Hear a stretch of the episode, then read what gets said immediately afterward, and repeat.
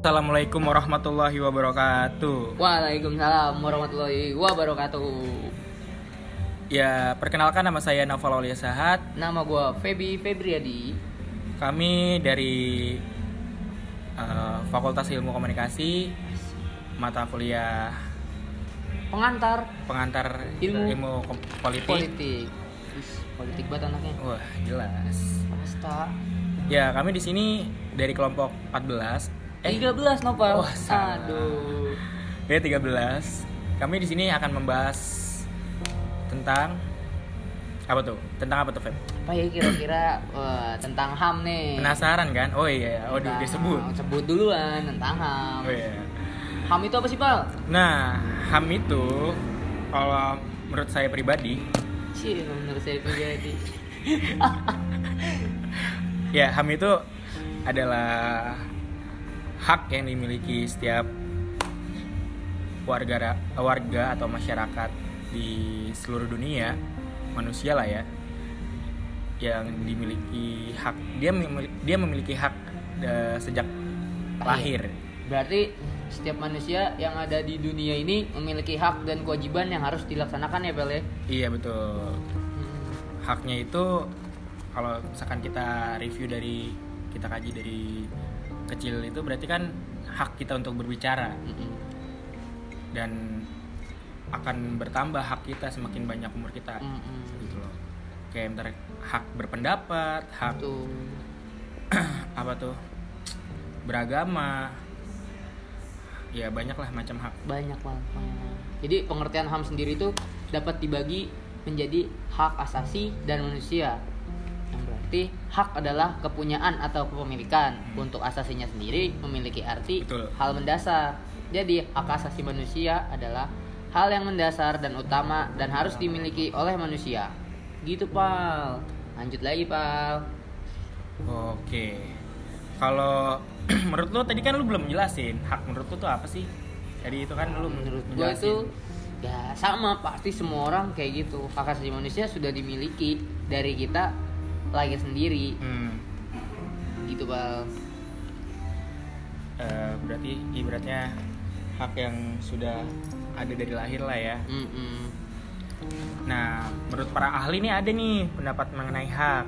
Iya. menurut Prof. DR Darji Darmo Darmo di Harjo HAM adalah hak hak dasar atau pokok yang dibawa manusia sejak lahir sebagai anugerah dari Tuhan Yang Maha Esa.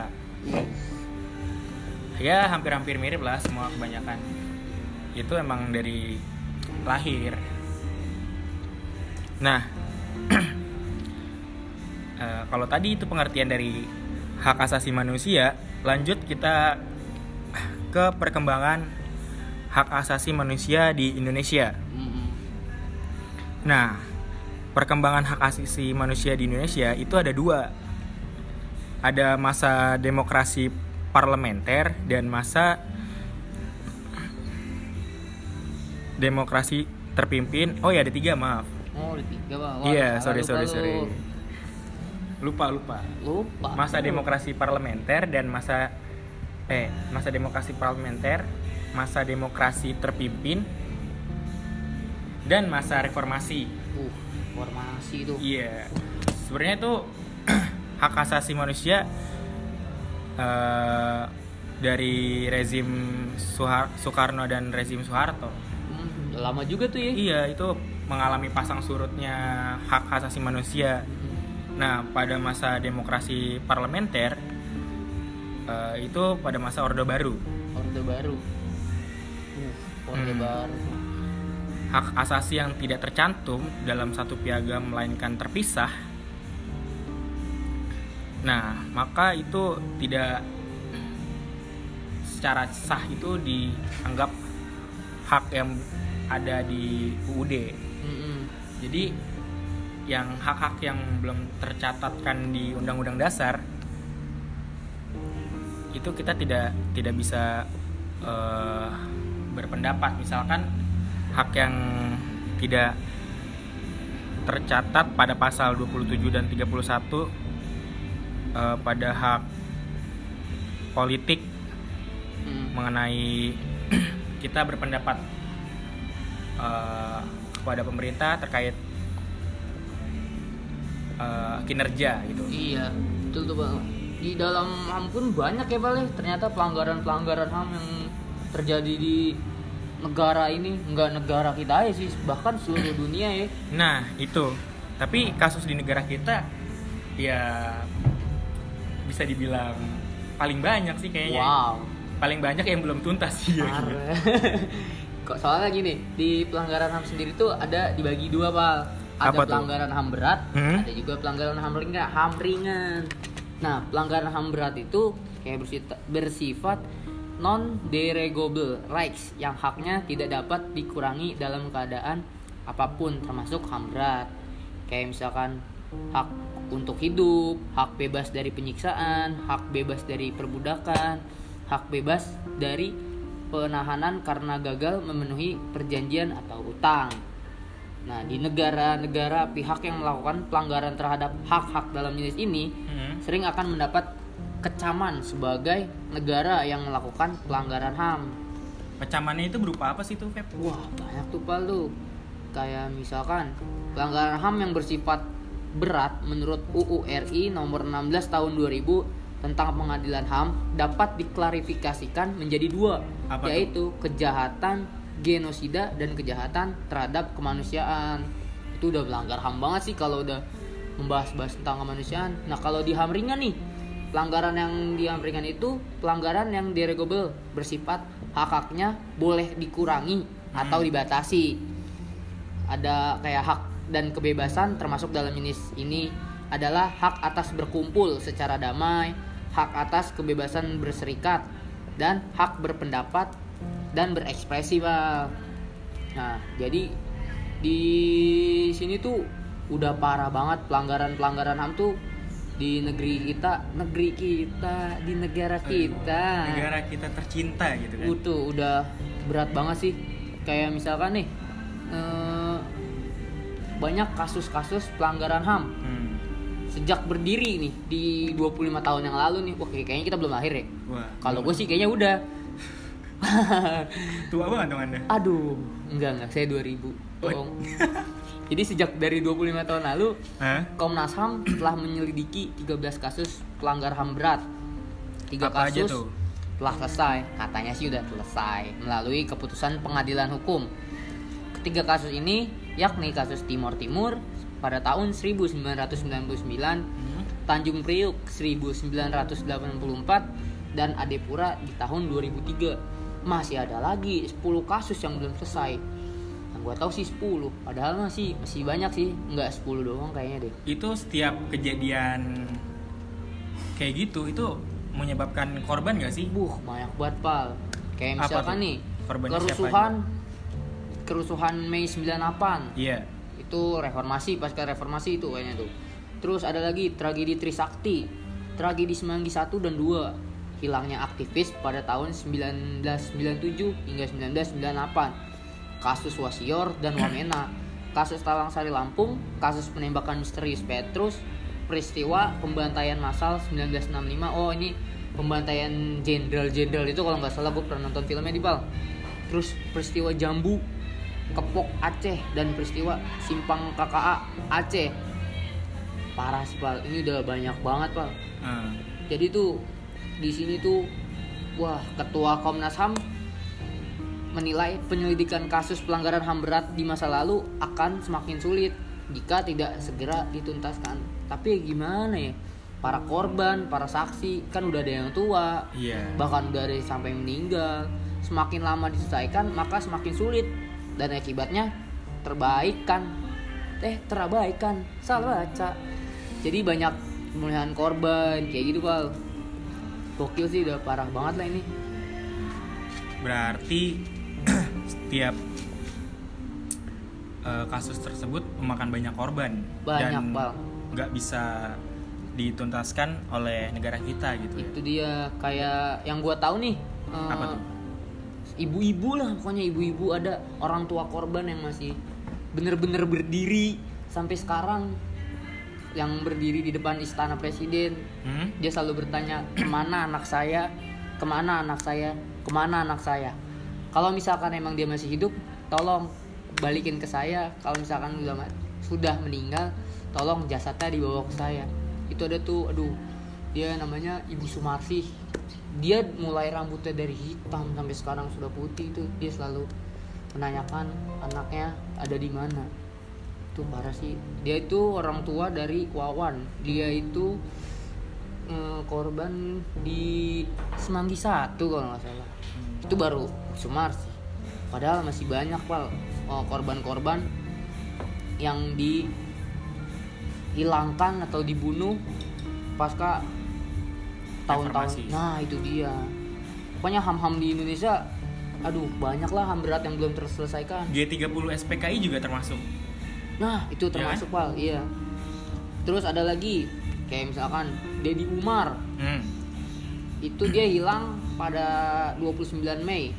Terakhir dilihat di Tebet.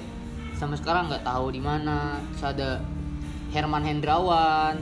Dari hilangnya itu dia pada tahun eh pada tahun pada tanggal 12 Maret 98 dia terakhir terlihat di gedung Yayasan Lembaga Bantuan Hukum Indonesia. Yang kita tahu YLBHI banyak lagi tuh. Ada Ismail Hambali ada Ismail ada Yusuf.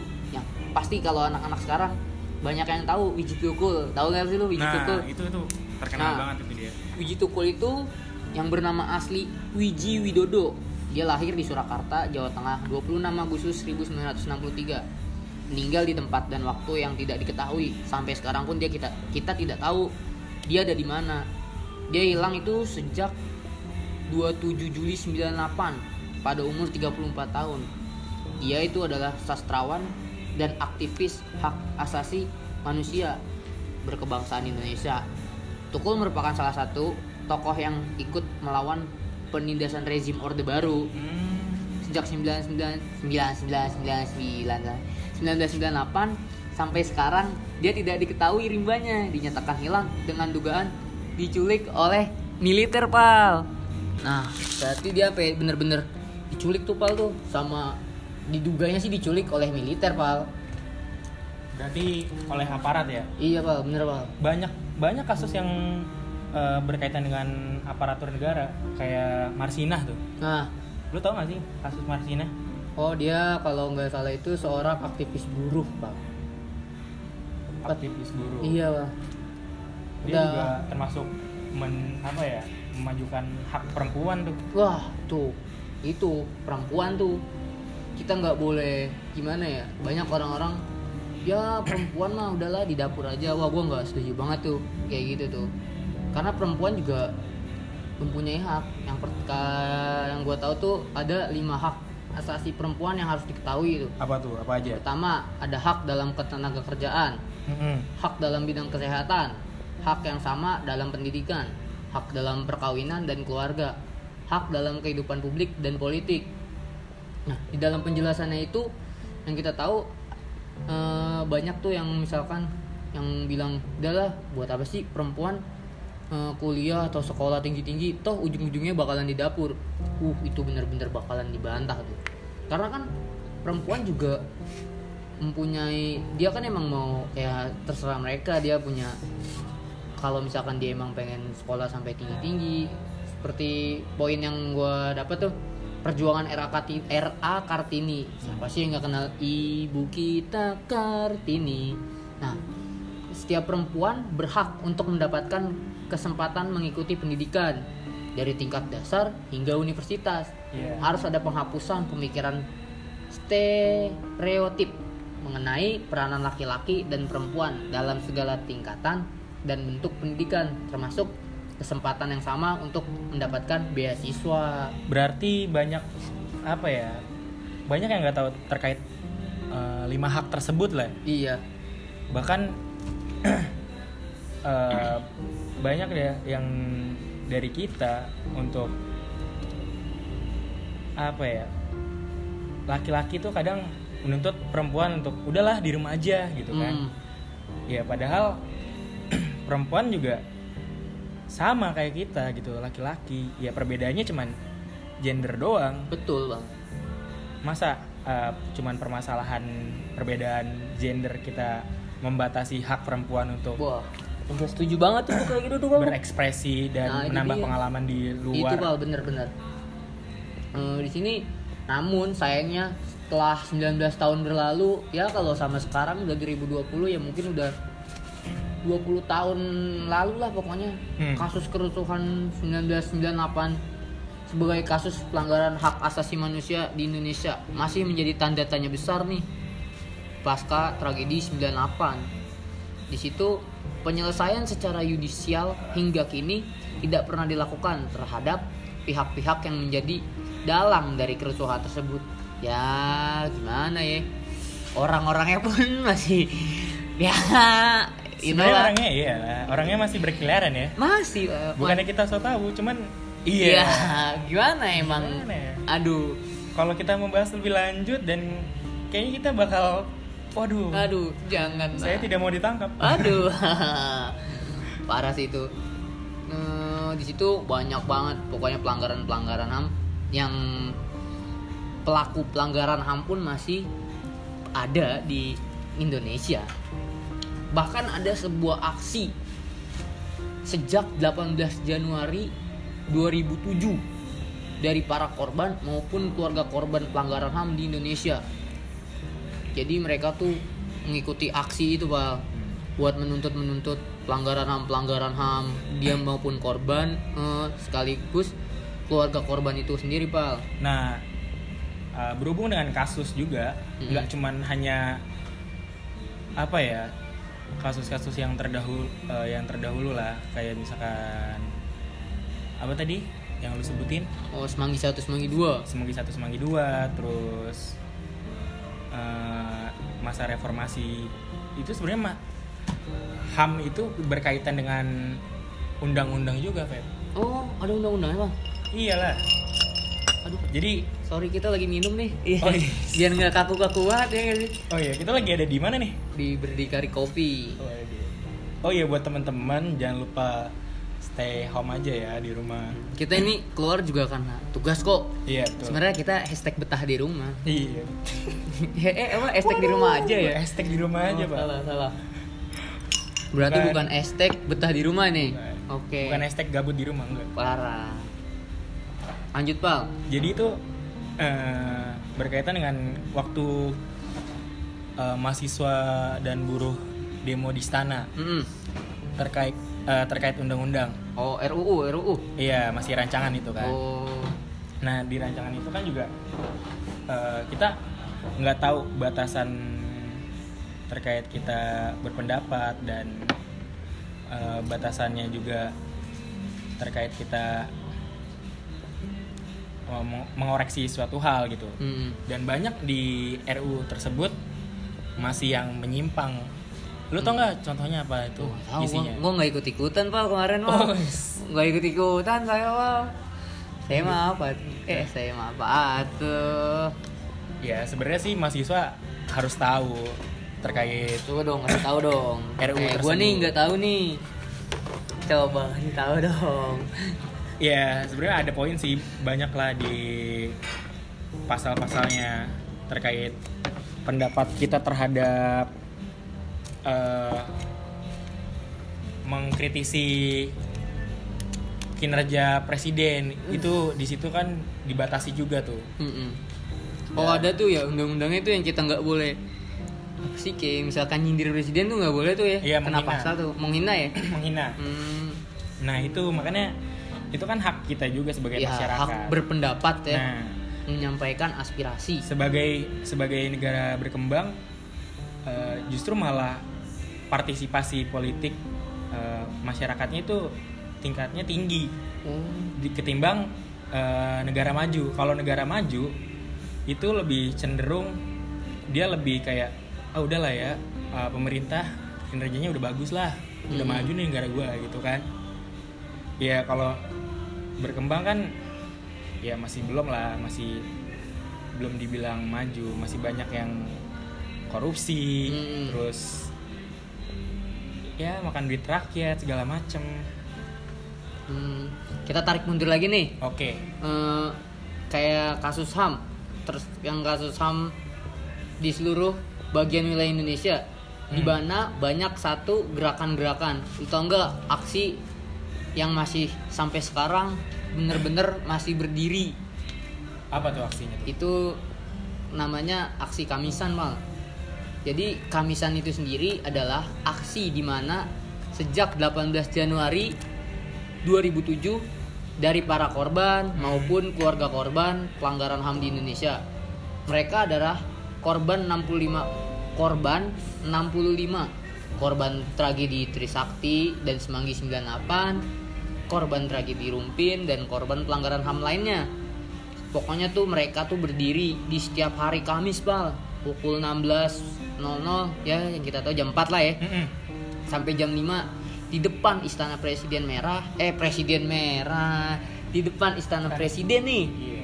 mereka berdiri diam berpakaian hitam dan berpayung hitam bertulisan berbagai kasus pelanggaran HAM kalau kalian penasaran boleh setiap hari Kamis lewat di depan istana presiden pasti ada sebuah aksi yang di mana orang-orangnya berpakaian baju hitam pokoknya mereka serba hitam di bawah payung hitam Itu pasti ada artinya tuh ya. Wah itu Kenapa dia tuh. Gue juga berpakaian baju gak hitam? tahu tuh. Kenapa ya? Pokoknya di sini mereka banyak menuliskan spanduk, foto-foto korban pelanggaran HAM Mm-mm. dan membagikan selembaran untuk para pengguna jalan. Eh, ada juga nih arti hitam itu dipilih sebagai lambang keteguhan, duka cita mereka yang berubah menjadi cinta kasih mereka pada korban dan sesama. Kan mereka kan membawa payung hitam tuh. Nah, payung itu sebagai lambangan perlindungan dan istana presiden sebagai lambang kekuasaan. Begitu, Pak. Wah, udah pokoknya Mereka tuh ya- kamisan tuh, aduh, udah berat banget tuh. Iya sih. Mereka tuh sebenarnya tuh membela tanah air. Mm-mm. Tanahnya nggak punya, airnya beli. Iya. Aduh, parah tuh. Wah iya, akhirnya beli. Waduh, Beli kan air. gimana tuh ya? Tanahnya kan udah dibagi-bagi. Waduh, Pas kapan iya tuh sih. tahu tuh. Mm-mm, Yang udah saya sebutin pas rezim. mm-mm. Pokoknya mereka tuh diam, berdiri. Dia tuh ada artinya tuh diam dan berdiri sebagai pilihan karena diam tidaklah berarti telah kehilangan hak-hak sebagai warga negara yang kita tahu sebagai hak asasi manusia tuh. Mm-mm. Nah, dan berdiri itu melambangkan bahwa korban ataupun keluarga korban pelanggaran HAM adalah warga negara yang tetap mampu berdiri untuk menunjukkan bahwa punya hak sebagai warga di bumi pertiwi Indonesia dan sadar bahwa hak itu tidak gratis pal didapat. Terlebih-lebih ketika pemerintah tidak mau peduli, diam juga untuk menunjukkan diri sebagai bukan perusuh. Kita diam itu bukan perusuh, bukan warga negara yang susah diatur dan juga bukan warga negara yang membuat bising telinga, tetapi tetap menuntut pemerintah untuk tidak diam. Nah, dan nggak cuma itu juga sih. Hmm. HAM itu juga berkaitan dengan ras, suku, budaya di negara Indonesia. Mm-mm. Kan negara Indonesia kan budaya, suku, ras itu kan bermacam-macam gitu kan. Itu bermacam-macam. Iya, dan Berbeda-beda apa sih semboyannya kita? berbeda-beda Tapi tetap satu jua ya? Iya, betul. Harus satu pandangan kita Oh. untuk memajukan negara Indonesia. Dan apa ya? Dalam hak untuk agama juga seharusnya tuh mesti ditekanin lagi sih. Waduh.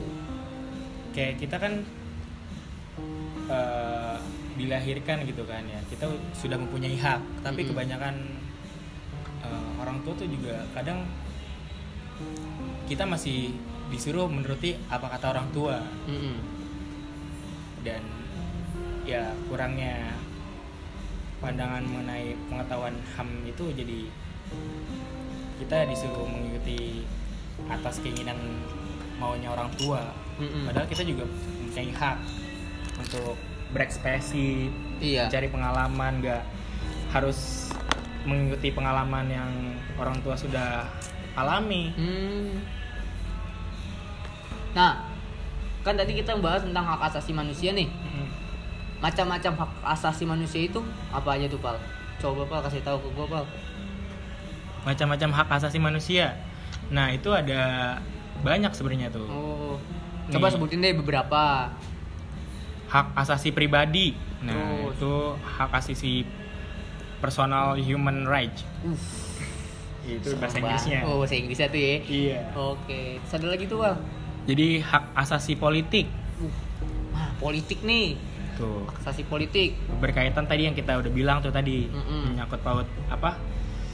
eh, kita berpendapat mengenai pemerintahan di Oh, Indonesia. berarti merupakan hak asasi kehidupan politik seseorang ya, Pak? Mm-mm, Nah, betul. contohnya kayak misalkan untuk dipilih dan memilih.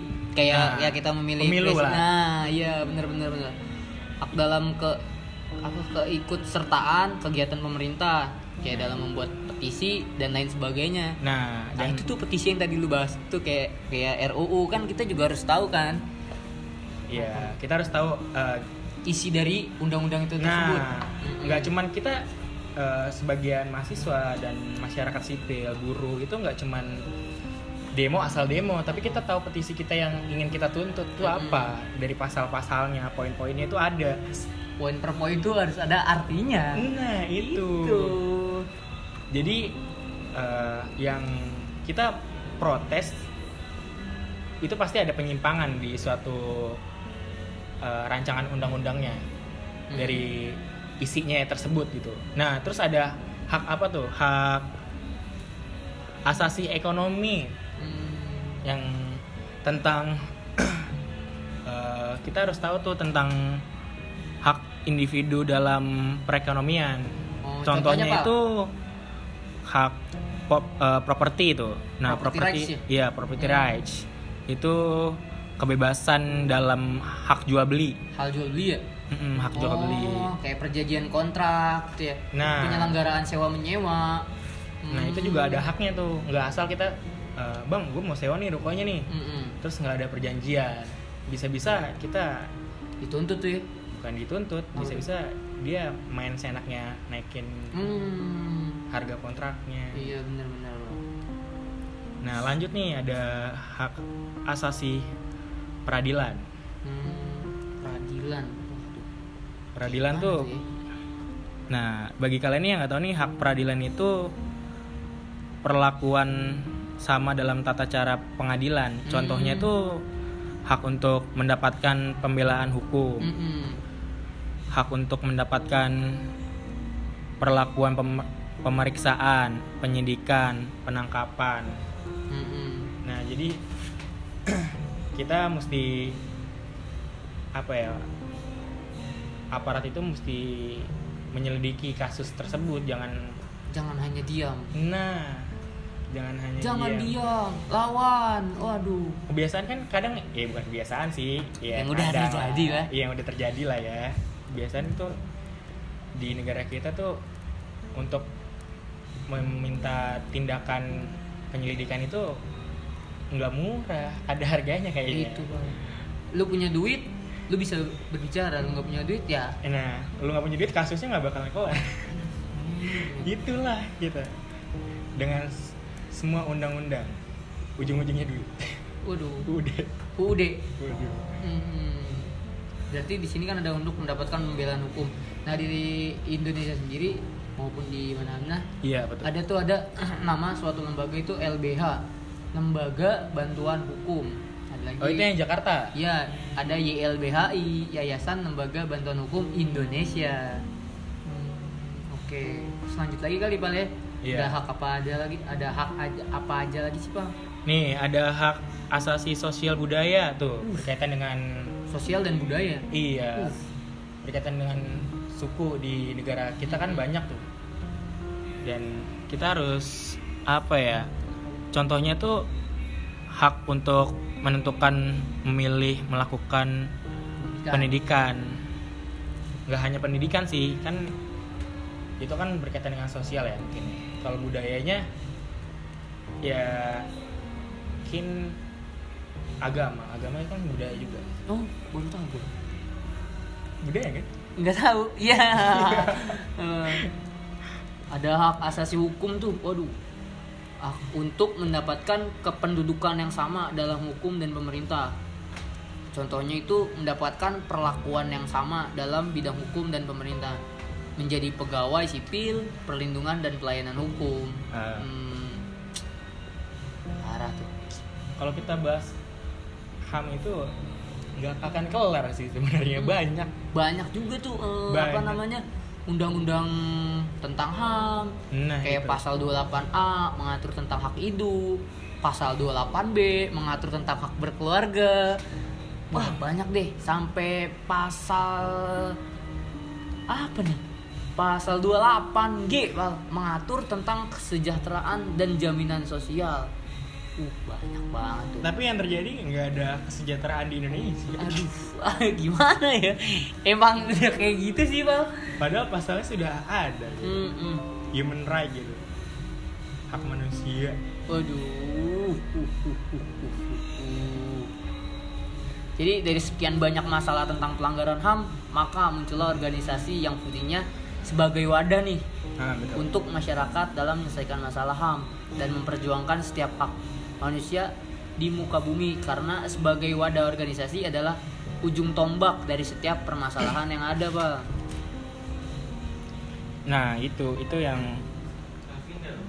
Mm-mm.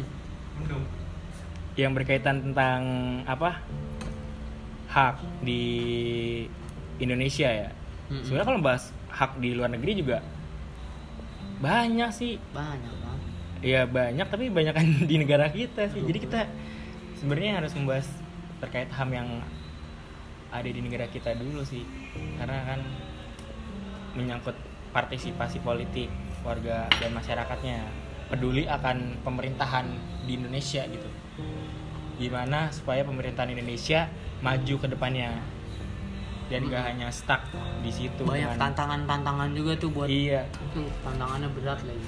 Kayak misalkan meskipun investigasi terhadap dugaan pelanggaran HAM masa lalu menghadapi tantangan berat Wapres menegaskan pemerintah tetap berupaya memulihkan hubungan antara kedua belah pihak yang berseteru. Hmm. pemerintah tetap tugaskan kayak kejaksaan kepolisian tetap usaha seperti itu. Hmm. bukannya tidak menghentikan tetapi memang tidak mudah sih Pal iya betul.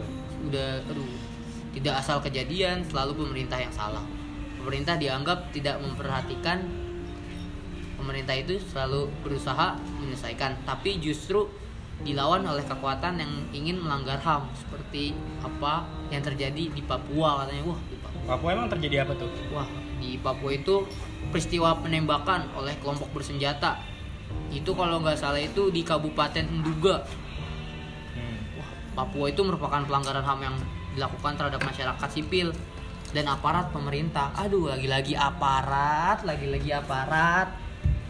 Sel- selalu itu selalu itu kalau eh, berkaitan tentang hak asasi manusia pasti berkaitan dengan aparatur negara karena yang dulu-dulu yang masalah-masalah yang penculikan kayaknya berkaitan dengan aparatur negara itu Waduh.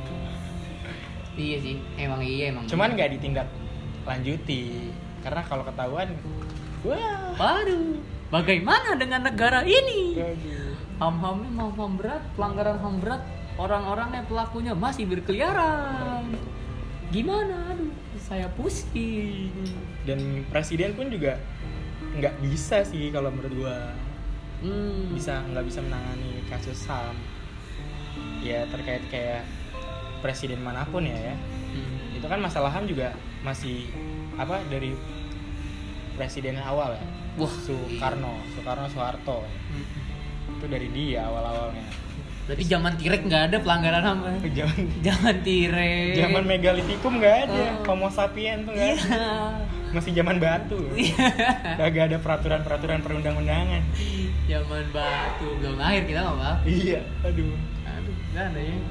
Pokoknya berat deh kalau kita ngebahas tentang itu. Iya, jadi ya mungkin cukup sekian kali ya Iya, dari pokoknya semoga aja eh, kayak pelanggaran kasus-kasus pelanggaran HAM di Indonesia cepat-cepat diselesaikan lah oh, ya. iya.